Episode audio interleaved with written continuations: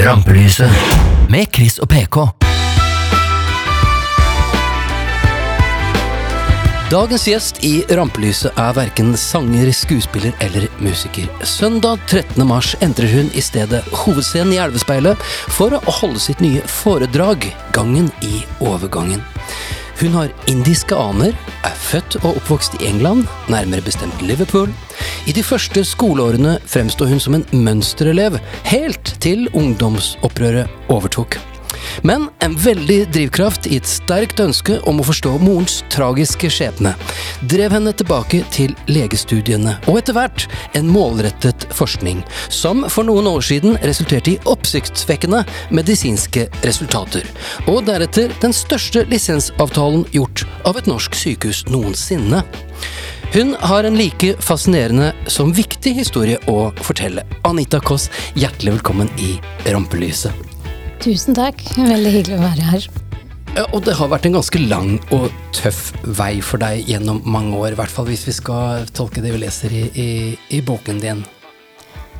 Hvordan har du det egentlig i dag? Ja, hva, hva, føler du i dag, så mange år etter? Åh, jeg føler stor takknemlighet, egentlig, for å kunne øh, ha den øh, jobben og ha mulighet til å eh, forske på, på, dette fortsatt etter så mange år, og grave dypere og dypere i funnene. Så, så jeg føler veldig heldig, og um, maybe things happen for a reason.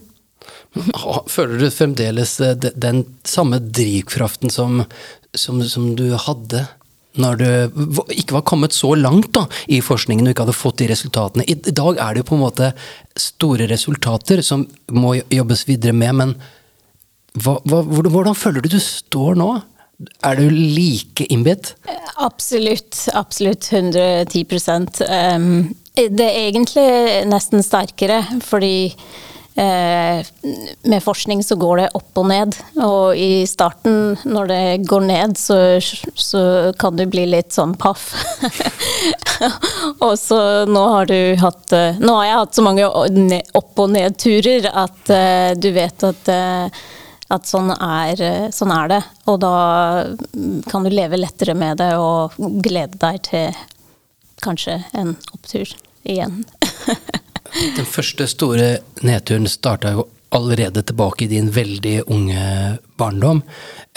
Du er jo født i, England, eh, og foreldrene dine var leger. Eh, så de visste jo hva som skjedde, kanskje mer enn deg, når moren din ble alvorlig syk, og stadig mer og mer syk.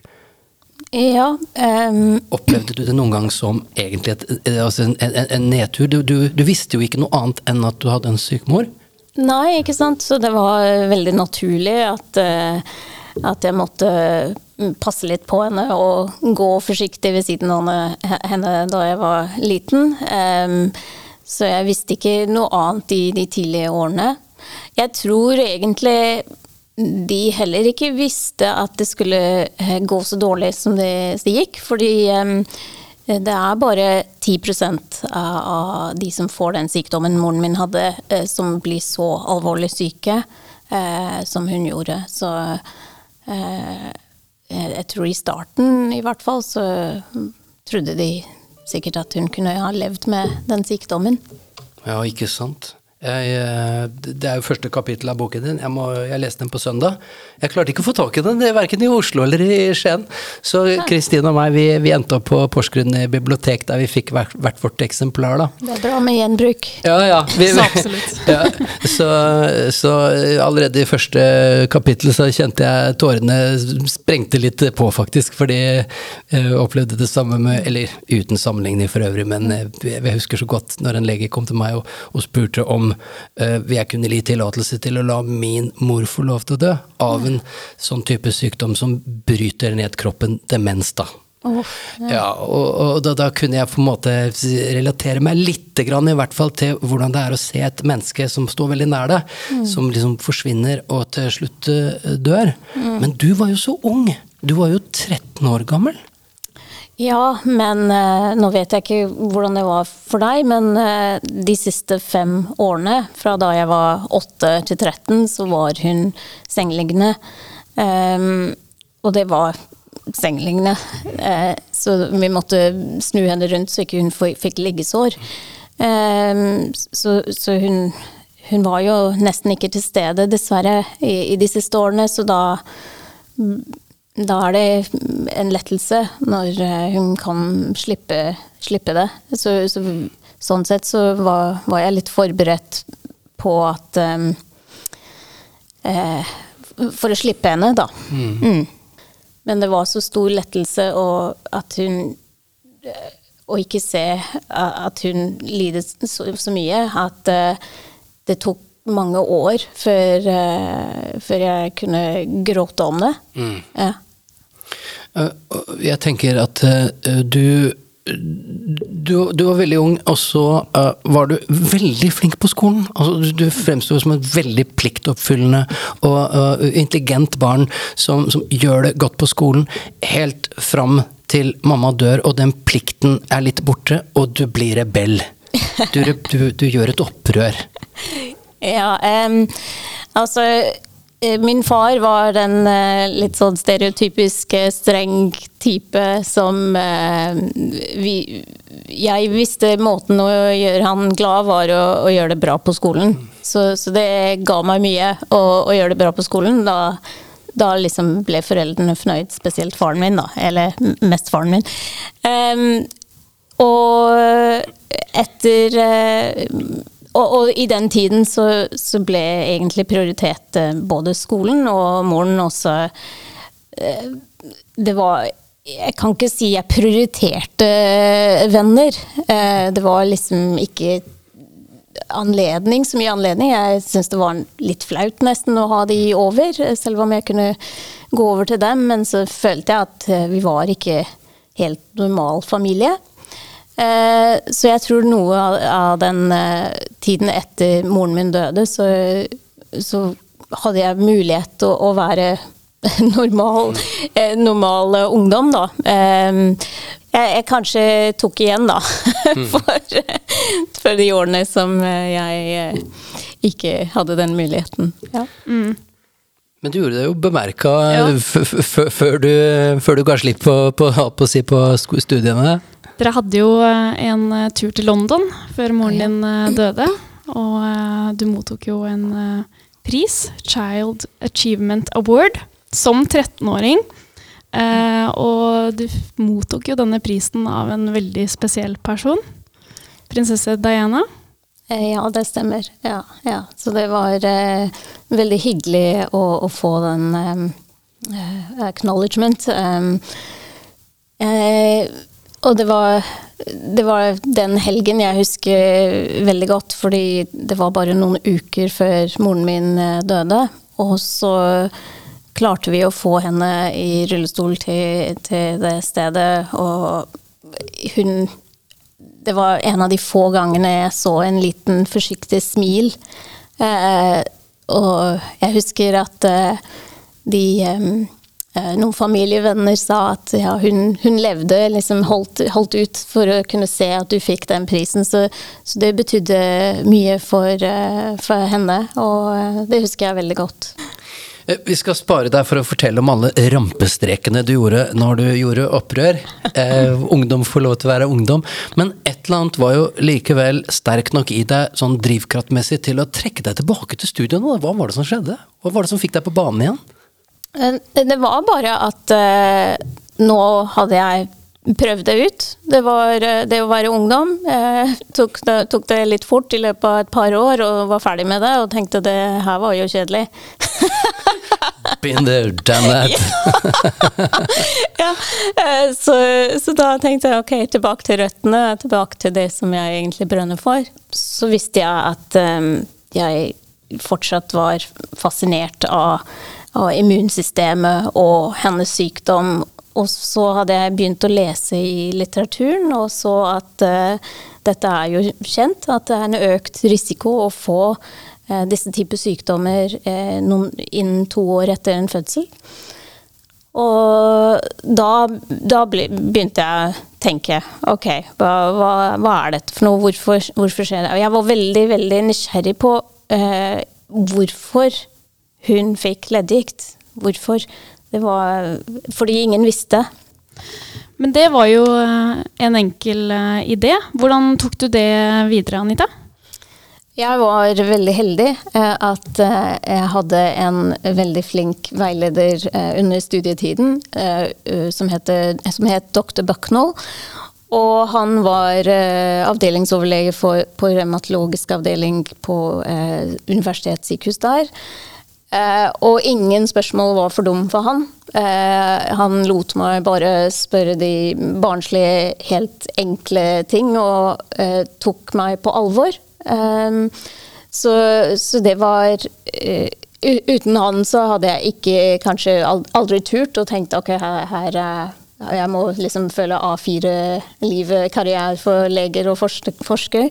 Men han, han ga meg mot, uh, og det er jeg veldig takknemlig for. Så du fikk jo da muligheten til å ta gå inn og begynne så smått å, å forske litt på det du var interessert i? Da begynte jeg å spørre de eh, pasientene som kom eh, til klinikken hans. Eh, hver eneste av de pasienter som hadde leddgikt. Husker du når du først fikk symptomer? Var det, når, var det, når hadde du barn? Når hadde du overgangsalder? Tok du noen p-piller? Og så begynte å grave fram, og så kartla kartla dette og tenkte her, her er vi inne på noe så, så, tenkte jeg ok, her ønsker jeg å ta doktorgrad på dette. Uh, jeg husker faren min smilte. tenkte ja vel. Men så skrev jeg protokoll for doktorgraden da jeg var medisinstudent, og så visste jeg at uh, jeg skulle flytte til Norge etter studiene var ferdig. Og så hadde jeg ikke noe tid å miste, selvfølgelig, så da ringte jeg Da tenkte jeg ok Eh, hovedstad i Norge er Oslo. ok. Det beste sykehuset i Oslo for revmatologiske pasienter var Rikshospitalet. Greit, da ringer vi sjefen på Rikshospitalet revmatologisk avdeling og får høre om han kunne ta, ta imot en uh, nysgjerrig, nysgjerrig, dame om, i dette feltet. Og, og, og det var jo ikke bare bare det. De ville vel først ha deg til å, til å jobbe med litt andre ting? Ja, stemmer. fordi eh, egentlig så hadde de ikke leddgiktspasienter, de hadde mest bindevevspasienter. Pasienter på den avdeling, og jeg fant ut senere at det var Diakonhjemmet som hadde ansvar for leddgiktspasienter, men jeg hadde allerede fått et uh, rapport med han, så han uh, sa bare kan ikke du kan, kan, ikke du jobbe med lupus, som er en annen autoimmun sykdom, istedenfor revmatoid artritt? Du får kontor, vi skal ordne med finansiering, og, eh, og jeg bare Jeg sa beklager, jeg, jeg, må gjøre dette. Eh, dette har jeg tenkt på i, i lenge og sett veldig interessante resultater på allerede. Så han du kan til og med se på hormoner i lupus. Som å friste deg? ja. Men uh, jeg, uh, jeg, måtte bare uh, takke nei, og så følge, følge, den veien som, som frista meg, som interesserte meg mest veldig, veldig, mye av problemet har vært at det har ikke vært nok kunnskap på dette. Og hvis du skal veilede en doktorgradsstipendiat innenfor et område, så må det være noe som du selv vet nok om. Og, og folk, folk, visste ikke nok om dette. Hvor fikk du veiledning fra da? Eh, jeg ble så frustrert at uh, her, her, er det ingen som eh, er interessert i disse kjønnshormonene. Altså, dette er jo sjefs kjønnshormon for hele reproductive system. Og at ikke det er interesse for den, var jo helt, helt sjokkerende for meg. Men uansett, så da tenkte jeg ok, jeg googler, googler den hormonen får vi se hva som skjer. Og så kommer det opp uh, Wikipedia, GNRH, så kommer det opp uh, Andrew Shalley, nobelprisvinner, som først oppdaget GNRH. Hvis, og så tenkte jeg ok, hvis ikke noen andre er interessert, han må jo i hvert fall være interessert i hans hormon. og du hadde aldri hørt om Shelley før? På den tiden så var jeg så frustrert at jeg tenkte nei, nå bare ringer jeg han. Så søkte jeg opp nummeret hans, Uh, og tenkte da kommer jeg helt sikkert til en eller annen sekretær, og så kanskje, han, kanskje det blir noen beskjeder fram og tilbake, og så blir det slutt. Jeg tenkte aldri at han skulle selv svare på telefonen sin.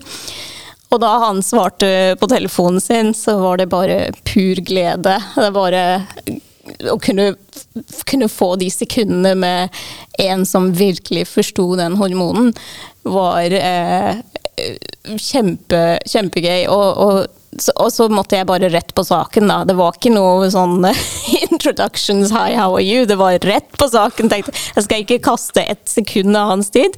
Så da spurte jeg hva, hva tenker du om det hormonen innenfor autoimmunsykdommer? Det var nesten den andre setningen min etter jeg heter Anita Kåss fra Norge.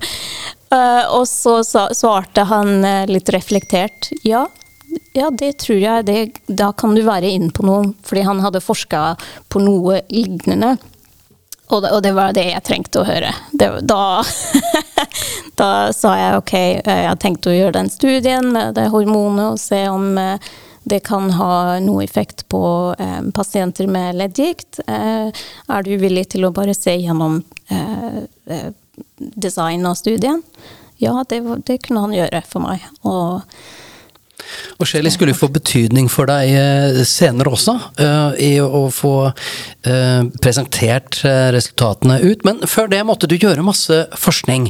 Og nå sto du der med noen klare ideer, og måtte bevise at det du hadde en mistanke om, faktisk hadde noe for seg. Og slik forskning er jo ikke bare noe man setter i gang med. Det tar lang tid, og det, det koster mye penger.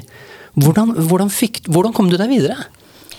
Um, da Altså, dette var mitt andre studie for, uh, som vi snakker om nå, uh, hvor det er en legemiddelundersøkelse. Uh, den, den, første var enda vanskeligere å få penger til, bare for å kartlegge hormoner og sånt, men da hadde jeg i hvert fall bevist noe og publisert noe, så da var det litt lettere å få penger finansiert sentralt. Men i tillegg så måtte vi ha over en million kroner av medisin. Um, så jeg, jeg, sa til Shally at um, vi, vi, vi, skal bruke den og den medisinen. Uh, og så kom han bare med en gang. OK, jeg, jeg ordner det. Og så tenkte jeg OK, så, så bra. Uh, og den samme kvelden så husker jeg vi var i Oslo i um, uh, Hva heter den der? Hard Rock Café. Og så ringer en eh, CEO av en tysk uh, pharmaceutical company, og, og, han i hvert fall hadde ikke tid til småprat. Det var bare Hi Anita, I'm Engel, I'm ring, uh, spoken to Shelly, how, how, much of the drug do you need? Så jeg måtte bare fort regne ut ok, jeg trenger så så mange milligram. Uh, ok, da shipper vi den over til deg, og du hører fra oss. Og hvor mye penger var det han hadde shippet medisiner for? Eh, det var mellom én til to millioner kroner. ikke sant, det var ikke småpenger, nei. Anita, fra det store England, uh, legestudier der, til lille Norge og enda mindre Porsgrunn, så havner du på Betanien, uh, der du får din plass hvor du kan begynne å forske. Ja, det, Betanien hospital har vært min andre hjem. det var jo Det var jo oppstartsproblemet, kanskje, fordi jeg kunne ikke norsk. Jeg, det var første måneden jeg var, bodde i Norge. Eh, jeg følte litt på det, og så kunne noen lure på hva, hva, i huleste gjør hun her? Hvorfor skal hun forske på dette her? Og var, jeg var jo bare 24 år og helt sånn sta og bestemt. Um, men heldigvis så skjønte jeg mer av kulturen. Så jeg klarte å på en måte integrere meg litt bedre og fikk eh, venner for livet og følte meg virkelig hjem der og er veldig takknemlig for eh, de mulighetene jeg fikk på Betanien. Mm. Det var, var, der at du bl.a. fant ut eh, at du skulle til USA for å presentere, eh, da i siste liten, for det var for sent å melde seg på, men du hadde allerede oppdaget noe som du var eager to show? Mm. Mm. Ja, jeg, jeg, husker at uh, dette var i 2006, så da det var veldig tidlig. Og um, min sjef på Betanien, han hadde troa på meg og var alltid uh, Eh, pushe meg litt, den lille ekstra og, og sånn. Så, så han eh, sa en gang i lunsjen eh, Ja, Anita, hvordan gikk det med de der hormonresultatene dine? og jeg var jo helt Jeg var jo så letta at vi hadde fått så interessante funn at jeg hadde ikke sagt no noe til noen på Botanien. Jeg hadde bare snakka med eh, professorene i eh, Oslo. Um, og så følte jeg også at eh, jeg vil ikke bli skuffa hvis ingen er interessert i de funnene, så jeg bare holdt det litt for meg selv. Men, men han spurte, og da sa jeg bare sånn eh, veldig enkelt tilbake, uten å, uten å brodere for mye, bare sa ja, de var bra. og så han skjønte han skjønte her er det noe, så han bare sa med en gang Nei, men da må du sende dette til USA, til Late Breaking Abstract. Og da husker jeg jeg lo, fordi eh, de som fikk det akseptert på den late-breaking-kategori, eh, eh, de var eh, svære forskning, forskningsgrupper, eller til og med farmaselskaper. Og så skulle jeg, lille jeg, komme med, med min forskning der, så, så, jeg lo av han. Men så, så, sa han bare gjør det. Og så tenkte jeg ok, greit, det, why not? Og det ble jo ditt første møte med Big Pharma. Ja, ja. Hvordan var det møtet? Hva tenkte du, hvor mye visste du på forhånd? Her snakker vi om en milliardindustri. Det var uvant og ukjent, og de kjøpte middager på de fineste steder og hotell på de fineste steder. og eh, så tenkte jeg jeg vil ikke bli kjøpt og betalt. Eh, her vil jeg passe, passe litt på rettighetene. Du har jo ikke noen rettigheter altså hvis du bare gir alt eh, til dem. Så, så da holdt jeg litt igjen da, og passa på at vi hadde hemmelighetsavtaler osv.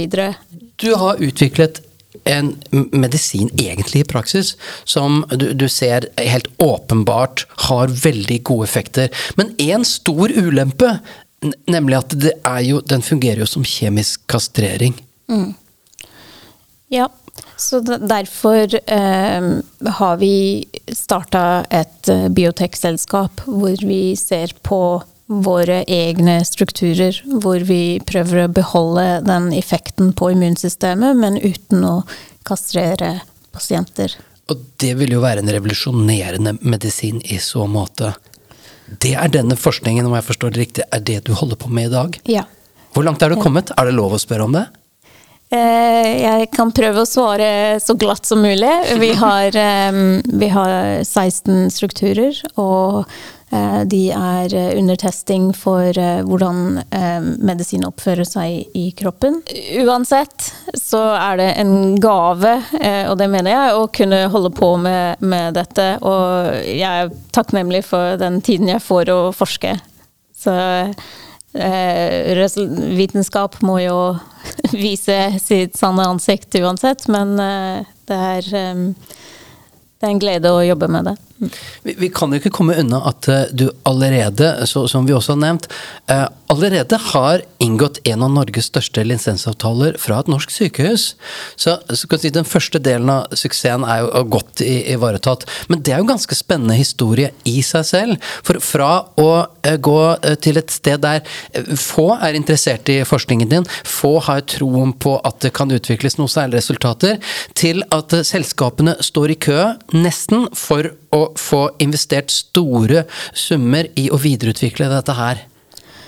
Det må jo ha vært en, en, veldig opptur etter mange år med slit og få som trodde på det? Ja. Um, jeg, jeg, husker da jeg først kom til uh, patent, på en måte, hva skal jeg si, eh, oppfinnelseskontor til Universitetet i Oslo. Eh, fordi når jeg først så de hormonresultatene, så, så visste jeg ok, dette, dette, er noe. Det var i 2006, og da, allerede da så hadde jeg kontakta Oslo og sagt at dette her må vi patentere. Uh, og de tok meg ikke på alvor. De sa 'ikke kjøp Porsche di ennå'. Så jeg husker mange år seinere, så var jeg på um, Dagsrevyen med resultatene, og det tydeligvis Da våkna de. så da ringte de meg neste dag, mange år seinere, og spurte om jeg ville treffe de. Um, og da var jeg veldig heldig, fordi da var det to uh, ansatte der, uh, Anders og Jørund, som eh, skjønte dette og, og virkelig eh, hjalp. Virkelig hjalp og, og, ga meg også mot eh, og, og troen tilbake. Og så vi, var, vi jobba som en uh, veldig bra team da, mot disse farmaselskapene. Og uh, da, da ting snudd da. Og selvfølgelig, jeg var litt bedre på norsk. og det hjalp sikkert også da du etter lisensen med Stella i 2017 eh, skal stille opp i Skavlan, Skandinavias største talkshow-program. Hvordan føltes det? Eh, det var litt eh, surrealistic. Fikk du snakke på engelsk? Jeg fikk både eh, norsk Jeg starta på norsk, og så fikk jeg lov til å gå over på engelsk når jeg skulle forklare om forskningen. Eh, du var eh, på Skavlan, eh, og ikke nok med det, så blei du kåra til årets lege av Telemark eh, legeforening. Fortell litt om den prisen. Uh, ja, det er en kåring som de gjør hvert år for leger rundt i Telemark. Så jeg var heldig at Eh, de eh, valgte meg i 2017. Eh, det var jo en anerkjennelse av, det arbeidet, så det var veldig hyggelig å få støtte fra, fra leger i Telemark. Mm. Jeg som lege ønsker ikke å miste eh, kontakt med pasientene, så, dette, så, så da har jeg eh, ved siden av i en deltidsstilling, da, eh, mulighet til å ta imot pasienter, og da er jeg spesielt opptatt av kvinnehelse. Eh, det er setter mer fokus på overgangsalder, hormonplager. Eh, og det, det syns jeg egentlig er veldig spennende. Du går fra å, å være eh, lege til å bli forsker, til å bli eh, forfatter, og nå også og da foredragsholder. Mm -hmm. eh, og med nettopp et foredrag som handler om kvinnehelse. Ja. Hvor, hvorfor foredrag? Eh, det startet egentlig i rundt 2017, da jeg ble spurt å holde noen foredrag i forbindelse med forskning, som jeg egentlig tenkte kanskje eh, var mer egna for eh, leger og forskere og kongresser osv. Og, så og så ble det en interesse innenfor eh, folk som ikke var uh, spesialister i, i det området. Eh, og så tenkte jeg det her må jo det fikk så fin tilbakemelding at eh, folk, folk, skjønte det. Folk skjønte hvor viktig det var. Folk syntes det var interessant å kunne relatere til noen av disse tingene med tanke på fødsel, graviditet, overgangsalder osv. Eh, jeg har skjønt at dette her er et viktig tema, dette, og, det er lite snakket om. Det er ganske overraskende statistikk eh, på, på, dette, som, eh, som, jeg satt med dette i går. Og da var det til og med én eh, av ti kvinner hadde vurdert å si opp jobben Dette er en britisk studie, da. Si opp jobben pga. Over, overgangsplager. Um, rundt ja, én av tre hadde Eh, blitt sykemeldt eh, noen gang i forbindelse med overgangsplager. Og av disse kvinnene så var det bare en kvart av de som hadde turt å egentlig si fra hvorfor de ble sykemeldt, hva var opprinnelig grunnen. Um, og så var det ja, 59% opplevde det er vanskelig på jobb pga. sine overgangsplager. Så det er, det, er gans, det er, veldig mye interessant, overraskende statistikk der ute, og da eh, da tenker jeg at det er viktig å sette mer fokus på eh, å prøve å leite etter statistikk. Og prøve å se i forskningsstudier rundt det. Eh, selv det er vanskelig? Selv det er utfordrende i forhold til om jeg hadde søkt opp noe om MS eller eh, psoriasis eller noe annet. Kan det i tillegg være sånn at en del kvinner har en del plager som de ikke engang vet er overgangsalderrelatert? Ja, absolutt. Som f.eks. Eh, angst og depresjon. Eh, det kan bli ofte tolket som ren angst og depresjon, og så kan de få eh, en pille mot det, da, istedenfor at det blir anerkjent at dette er kanskje relatert til overgangsalderssymptomer. da. Men det har jeg også lyst til å si som eh, Det er jo ikke så mange år siden jeg eh, gikk på skolen, men jeg føler ikke jeg er opplyst i det hele tatt eh, generelt om veldig mye innenfor kvinnehelse. Um, og det er litt sånn når vi sitter og prater nå, eller at jeg har lest store deler av boka di, så, så blir jeg så veldig mye mer informert. Og det er litt sånn skremmende at, at jeg må vil oppsøke den informasjonen så intenst, da, kontra det å faktisk bli litt mer opplyst via skole og sånne ting. Anita, jeg er jo mann, så, så kvinnehelse angår jo ikke på meg, meg, på den måten. Men jeg har jo eh, lest boken din, jeg, fra, fra perm til perm, og eh, jeg kunne ikke legge den fra meg. Eh, jeg syns at eh, 'Mamma er en gåte' er en fabelaktig bok, men det som gleder meg mest, er at eh, den er skrevet så enkelt at selv jeg kan forstå den og lære noe av den. Det er en fantastisk eh, pedagogikk eh, som du forteller noe vanskelig på en veldig fin måte. Og jeg har lært som mann masse nytt om kroppen min som ikke jeg visste. Masse om noen av de grunnleggende tingene om, eh, om fysikken vår og, og, helsa vår. Og det eh, er det jo mange som kommer til å eh, gjøre også og på, under foredraget ditt. Som nærmer seg nå ganske snart. Hva, hva, hva skal du snakke om der? Jeg gleder meg til å snakke om kvinnehelse og overgangsalder. Eh, vi skal gå inn på forskjellige temaer, eh, sånn som hormonerstatning, forskjellige preparater, eh, naturlige terapier, hjelper de? Hva med livsstilsendringer, vekt, metabolisme, sex, hjernens funksjon, ja, det kosthold osv. Eh, vi har eh, fått eh, salen fra seks til åtte med halvtimes pause, så det blir, blir, litt tid til forskjellige emner, ja. Tar du med noen bøker òg, eller? Ja, jeg kunne ha gjort det. God ja. idé. Anita, det har vært en stor fornøyelse å ha deg i, Rampelyset. Vi har lært fantastisk mye, og vi gleder oss til å se deg på scenen. Tusen takk for at du ville dele denne, denne stunden med oss. Tusen takk for at jeg kunne gjøre det.